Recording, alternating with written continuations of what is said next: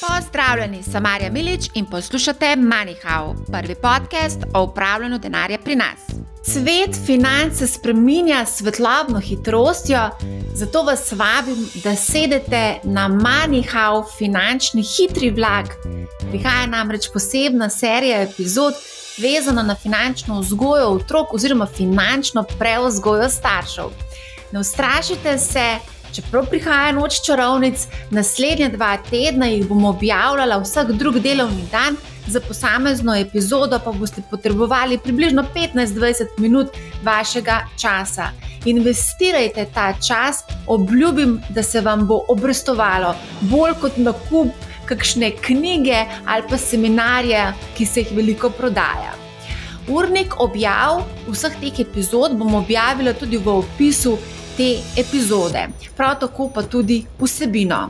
Če vas torej zanima, kako finančno vzgojiti otroka v skladu s sodobnimi trendi, brez nekega prikritega oglaševanja, brez posiljevanja z raznimi produkti in zastraševanjem, da če ničesar ne naredimo, bo malo da ne konec sveta, potem ste na pravem mestu. Večkrat sem že povedala, da se s finančnim opismenjevanjem ukvarjam skoraj 15 let, moja iskrena namera pa je, eh, da bi kot narod naredili ta premik k večji finančni pismenosti. Vaše, naše skupno življenje bo tako veliko, veliko lepše. Ta ideja finančnega opismenjevanja se je prvič pri meni pojavila pred skoraj 15 leti, ko sem rodila prvega otroka in ko sva s partnerjem, ki sva bila takrat v bistvu mlada, zaposlena, sva se znašla pred kar nekaj finančnimi izzivi. Zgodilo se nam je tudi to, da kakšna položnica ni bila pravočasno plačana. Motivacija za pripravo v bistvu teh epizod pa prihaja v bistvu od vas. Sprašujete me, kako finančno vzgojiti otroka, Sama vzgajam dva najstnika, eh, uspešno pa sem predala to znanje več sto otrokom, če ne celo tisočim. Nekateri starši mi pišete in opisujete lastne finančne strahove, ki jih prenašate v bistvu na svoje otroke. Veliko krat se pač tega tudi ne zavedate, oziroma se ne zavedamo. Po drugi strani dobivam tudi veliko vprašanj od staršev, ki bi vse skupaj nekako prepustili to nekomu drugemu, nekako prenesli bi vso to skrb, finančno vzgojo na nekoga drugega, čež da jim zmanjkuje časa, da nimajo znanja znanja, da nimajo volje, tudi o tem bom govorila. O tem, kako finančno vzgojiti otroke, sprašujete tudi na Discordu Manihau, torej naši skupnosti poslušalcev in gledalcev, ki zelo, zelo lepo raste. Verjamem namreč v koncept medsebojnega deljenja izkušenj, medsebojnega deljenja informacij in menim, da bodo posredniki pri prodaji finančnih produktov, kot jih poznamo danes, izumrli. Tako kot so izumrli dinozauri. Mogoče malo dramatična predstava, pa vendar svet se spremenja s svetlobno hitrostjo. Nekateri koncepti prodajnih teh posrednikov so v bistvu že precej v slogu dinozaurov, nekako pa jih financira ali pa hrani tradicionalna finančna panoga pri življenju. Ta si tega zaradi vse bolj uh, večjega pritiska konkurence in pospeška te, te konkurence, ki prihaja seveda iz tujine, nekoč ne bo več mogla privoščiti. Konec koncev sem pojasnila o finančni vzgoji, dolžna tudi TV voditelju Davidu Rankarju, ki me je prav to vprašanje spraševal v podkastu Gravitacija, kjer sem gostovala. Tako da, David, odgovarjam tudi na tvoje vprašanje. Preden gremo na vsebino, predlagam vseeno, da vržemo uč tudi na aktualno stanje.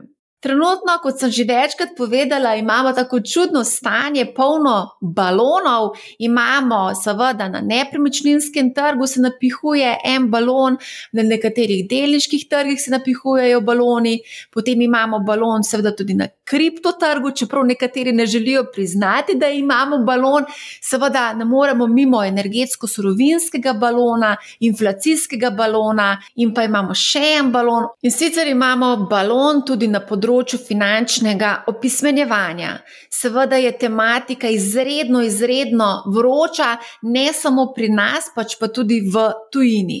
To je postalo tudi super orodje za pospeševanje prodaje finančnih produktov, seminarjev, knjig, nasvetov in tako dalje.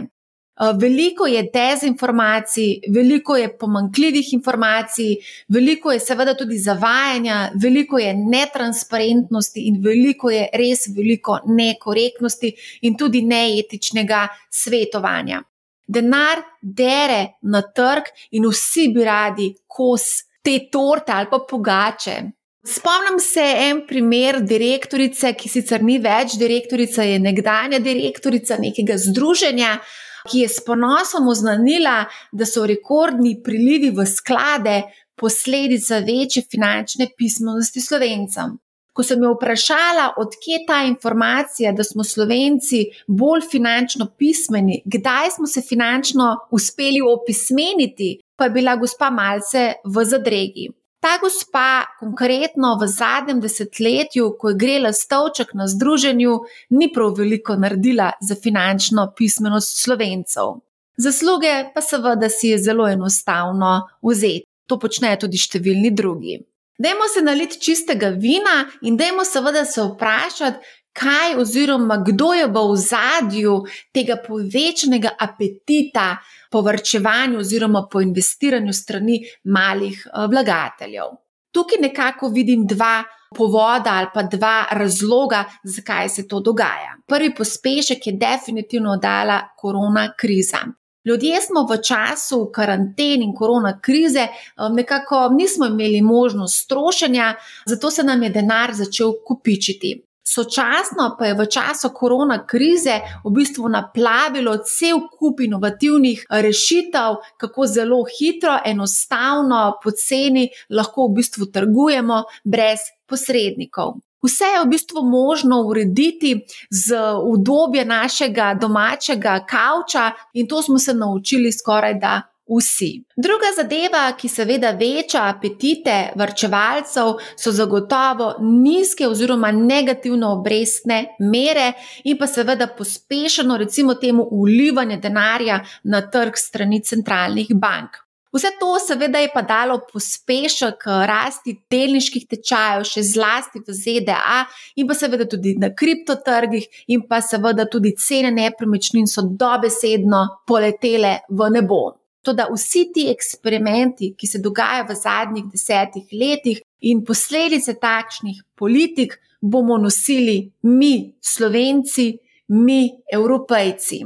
Čakajo nas novi davki, čaka nas dražje življenje in to verjetno že čutite v žepu. Skratka, pod črto, finančno pismenjevanje, kot sem že povedala, je vroča, vroča stvar. Vsi bi to zdaj počeli, to da svetujem, opozarjam, pazite se prodajalcev vročih žemljic. Vem, da številni želite ne samo opismeniti sebe, ampak tudi svoje otroke, zato sem se odločila, da nekako izpostavim štiri skupine finančnih opismenjevalcev, ki jih boste našli trenutno na trgu. V prvi skupini sem uvrstila tiste najbolj očitne, ki bi morale v zadnjih desetletjih temu tudi največ časa posvečati, pa niso. Definitivno je finančna panoga. Tukaj govorimo o bankah, zavarovalnicah, družbah za upravljanje oziroma DZU na kratko, potem so tukaj tudi brokerji, in pa seveda pokojninske družbe. Informacije, ki jih podajajo sami ali v sklopu raznih izobraževalnih sponzorskih dogodkov, so zelo prikrojene temu, kar ponujajo v svoji paleti produktov. To je tako, kot če bi šli v avtosalon in prodajalcu rekli, da želite najboljši avto. Ponudil vam bo lahko samo tistega v salonu, ta pa ni nujno najboljši za vas. Poleg tega vam bo ta prodajalec drago računal. Če ne verjamete, preverite, kakšni so stroški, ki jih plačujete danes v finančni panogi. Recimo, vstopni stroški, upravljalske provizije, sklepalne provizije. so kar precej zasoljeni. Vedite, da so visoke provizije tudi zato, da lahko vse te finančne inštitucije financirajo svojo izjemno drago prodajno mrežo. Zdaj, nekatere so že zelo, zelo stare te prodajne mreže in segajo celo v prejšnje tisočletje. Toda časi so se spremenili. V drugi skupini finančnih opismenjevalcev so prodajalci finančnih produktov. Še enkrat, to sem sicer že večkrat povedala, ampak bi rada še enkrat poudarila, pri nas nimamo neodvisnih finančnih svetovalcev, so samo prodajalci finančnih produktov, ne glede na to, kakšno ime si nadenejo. Moram povedati, da me je ta vikend, ko sem gledala neko oddajo, presenetila oznaka neke osebe in sicer, da je nosilka črnega pasu iz finančnega opismenjevanja. Jaz bi rekla, da je to v bistvu komedija oziroma sitkom. Ne?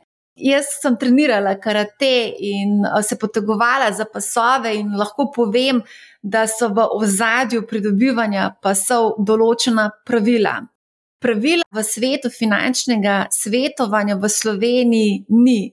Tu dobesedno vlada Teksas. Pod postavko finančni nasvet lahko v bistvu zapakiraš karkoli. Seveda, sedaj se lahko oglasijo nadzorniki in rečejo, mi smo pridni in nadzorujemo celo finančno panogo, nadzorujejo le tisti del, ki mora biti v skladu s pravili trženja vzajemnih skladov in zavarovanj, in tistega najbolj pomembnega, recimo to, ali so bili na sveti dani v interesu stranke in ali so bili v bistvu razkriti konflikti interesov, pa nadzornik ne preverja. No, če se obrnete na neko osebo in da ta ustraja, da je neodvisni finančni svetovalec, ga pozovite, da odpre kimono, kot pravijo, popolni transparentnosti v poslu. Torej, če trdi, da je neodvisen, potem ne bo imel težav z razkritjem prihodkov, ki jih dobi od finančne panoge, ko proda ven produkt. Pa ne samo to, vprašati vas mora tudi, ali se strinjate s tem, da je plačan tudi na drugi strani, torej na strani finančne panoge. Vaša naloga pa je tudi, da v bistvu nekako preverite ali jo ocenite, ali je bil ta nasvet, ki ste ga tam prijeli, dan v vašo korist. Nekoč mi je nek finančni svetovalec povedal en stavek, ob katerem sem bila popolnoma brez besed. Rekl mi je: Jaz te bom obral tako kot vsi drugi, a bom to naredil na lepši, bolj prijazen način in tako, da ti tega ne boš čutila. Moram priznati, da je bil pa to seveda tudi kolega, ki ima izredno veliko izkušenj in prihaja iz tujine, ampak praksa v Sloveniji je zelo podobna.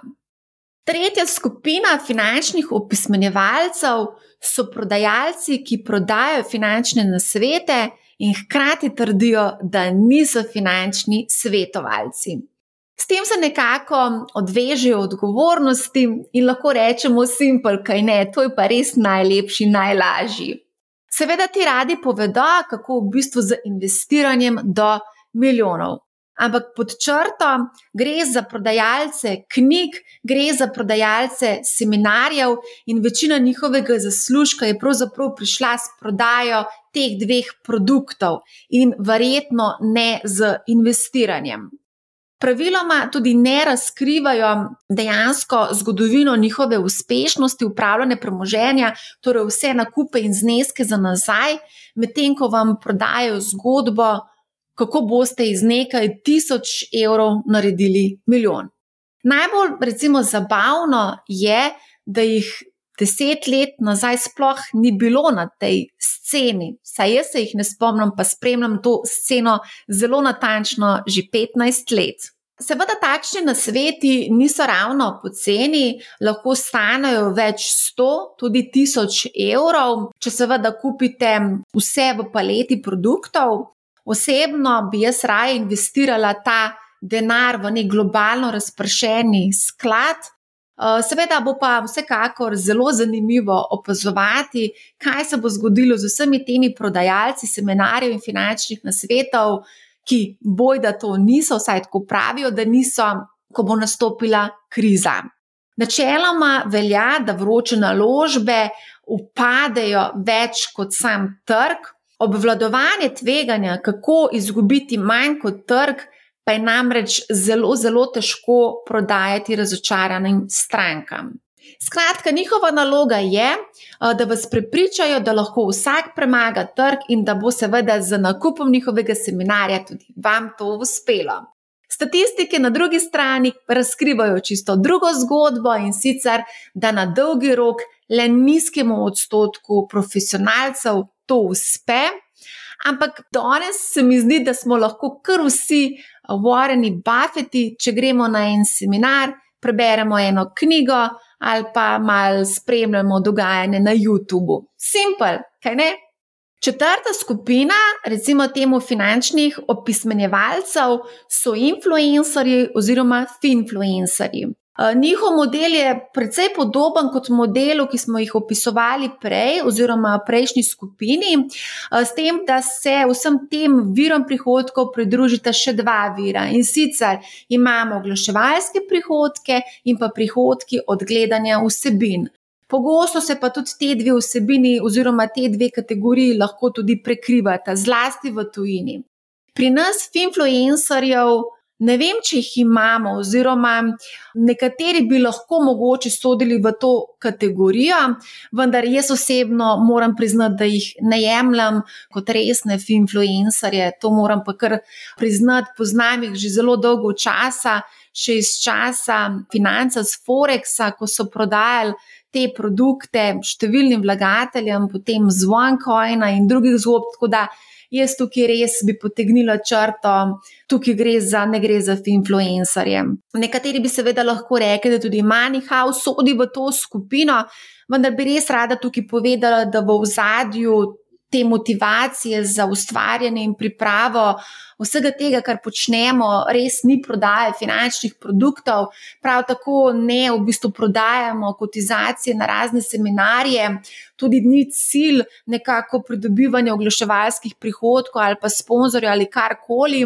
Lahko pa povem, da sem v zadnje dobre pol leta zavrnila že kar nekaj oglaševalcev, eh, dobila sem precej ponudb iz tujine in tudi iz lokalnega okolja, ampak enostavno zavedam se, da lahko nastanejo konflikti pri pripravi vsebine. Lahko še to povem, da na tej ladji sem že bila enkrat, vem, kam peljem, tako da najlepša hvala, ampak res ne hvala.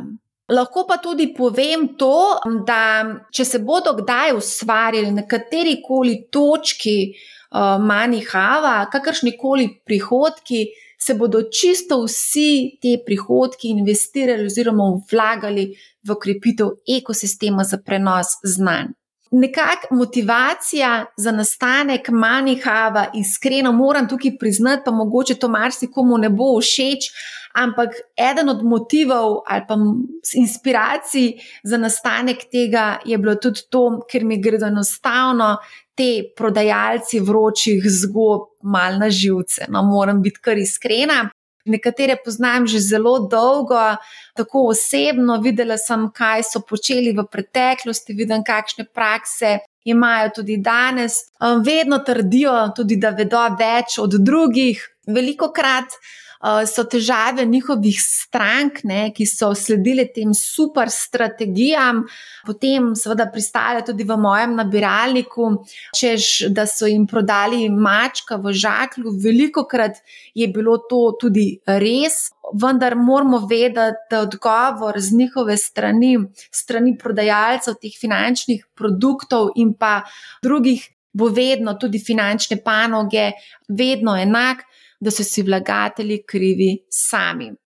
Torej, na koncu smo vedno, vedno sami. Poleg tega bi mogoče omenila tudi to, da ne verjamemo, da lahko dobimo neodvisno finančno znanje na način, kot bi ga morali dobiti, in ravno zato je tudi v bistvu Manihau nastal, ki pa je po mojih informacijah ta hip edini v Sloveniji, ki ima v bistvu to svobodo, da povemo, tako, kot je, torej brez tega sladkornega posipa. In moram priznati, da je ta svoboda v današnjih časih velik, velik privilegij in seveda tudi odgovornost hkrati. Gremo zdaj na vsebino prihajajočih epizod. V epizodah, ki sem jih pripravila za vas, bomo pogledali na finančno vzgojo na način, ki vam bo koristil kot staršu, ki živi v 21. stoletju. To je ključnega pomena biti v stiku s časom. V knjigah, ki boste danes, ne vem, kjerkoli brali, kupili, si sposodili v knjižnicah, boste dosti krat videli prevode iz angleške literature. Večina avtorjev pa dela tudi to napako, da zanemarja sodobne trende in ne izhaja v bistvu iz otrokovih potreb, želja in interesov. Pogosto so pa tudi zelo omejeni na sedanjost, na ta čas, ampak naš otrok bo odrasel v čez 10-20 let in takrat bo svet izgledal popolnoma drugače in more biti fleksibilen pri sprejemanju. Novih znanj in se prilagajati novemu življenju, novim trendom, in podobno. V teh epizodah bom podala svoje osebne izkušnje in pa znanje, ki sem jih dobila tekom let, In prva naloga pri finančni vzgoji je ta, da moramo najprej preuzgojiti sebe, če želimo vzgajati druge. Na tej točki bo marsikdo rekel, da bi raje preložil to, recimo, odgovornost ali pa naloga na nekoga drugega. To je seveda res možno in je tudi najlažja pot, ki lahko seveda veliko stane, pod črto pa lahko povem, da pogosto ni najboljša izbira zaradi vseh razlogov, ki sem jih danes že naštela. Moje prepričanje ostaja nespremenjeno, prepričana sem, da vsak posameznik je najboljši gospodar svojemu denarju, skrbimo namreč za svoje lastne interese, medtem ko drugi, recimo prodajalci finančnih produktov, zasedujejo predvsem svoje interese, kar seveda ni nič nenavadnega. Ampak njihovi interesi imajo prednost pred vašimi interesi. Tako da imejte to v mislih. Torej, prva lekcija je, da se finančna vzgoja začne za zaprtimi vrati vašega doma, ali vam je to všeč ali pa ne. Vaš otrok je spužva, ki samo v bistvu pobira vse, kar mu vi servirate doma. Vi ste učitelj, otrok pa je nepopisan list tabula rasa, in če vi kot učitelj nimate tega finančnega znanja, je prvi korak ta, kot sem že rekla, da najprej preobrazimo sebe oziroma sebe izobrazimo, pogledamo se v ogledalo in si priznamo, kje so naše pomankljivosti, kateri so naši strahovi in kaj lahko naredimo. Postopek preobrazbe ni tako enostaven, zna biti boleč, ampak splača se, garantirano se vam to splača. Imam pa tudi dobro novico, vaši otroci so kot iz plastelina, kar pomeni, da se v luči uporabe sodobne tehnologije lahko celo samo preuzgojijo. Poznam kar nekaj primerov mladih in tudi o teh primerih bomo govorili v prihodnih epizodah. V drugi epizodi boste slišali, kako spoznati otroka in kako ga opremiti s sodobnimi prijemi s finančnim znanjem. Marsikater starš bo presenečen, kaj vse se da, kaj je vse možno. Pričakujte tukaj v tem delu precej kreative, ki jo lahko v bistvu praktično takoj testirate tudi doma. V tretji epizodi bom zelo konkretna in bom povedala, kaj mora otrok vedeti o denarju pri različni starosti, da nimo lahko že zdaj razkrijem, da imata moja otroka, oba, ki sta seveda najstnika, en je star 11 let, drugi star 15 let, že več kot 10 tisoč evrov prihrankov vsak. Kako, odkje, zakaj vse to pride? V zadnji četrti epizodi sledi prava, prava poslastica, vsaj po mojem okusu, režiser zadnje epizode, po moj najstarejši otrok, 15-letni Mark, ki nam bo razkril, kaj vse ve o denarju, kje se vse uči o denarju, o upravljanju denarja. Moram priznati, da sem tudi sama malce presenečena, kako v bistvu danes poteka raziskovanje in iskanje informacij uh, pri naših najstnikih in kaj v bistvu vse izvedo in kje. Tako, zelo, zelo, zelo zanimiv pogled in mislim, da bo marsikateri starš rekel, oziroma mogoče celo ostal odprtih ust. Toliko za danes, v sredo izveste torej, kako se pogledati v gledalo in finančno preuzgojiti zato da boste lažje prenašali finančno znanje na svoje otroke in ne boste verjeli, ni tako zelo težko, kot nekateri to poskušajo prikazati. Tako, prišli smo do konca. Če želite poslušati Manihau, se naročite na podcast na eni od um, številnih podcast platform, kot je Spotify, Apple, uh, Google Podcast, smo na Castboxu in na cel kup drugih platformah. Uh, seveda, spremljajte nas tudi na YouTube kanalu Marja Milič, ne pozabite se naročiti na e-pismo na Business Space, spremljajte nas tudi na businessspace.com. Skratka, prihaja cel kup nekih novotarij, ki jih pripravljamo pripravljamo za vas, in se v bistvu že zelo veselim, eh, da jih bom nekako obelodanila. Torej, poslušajte Manihau, ne bo vam žal in lep pozdrav!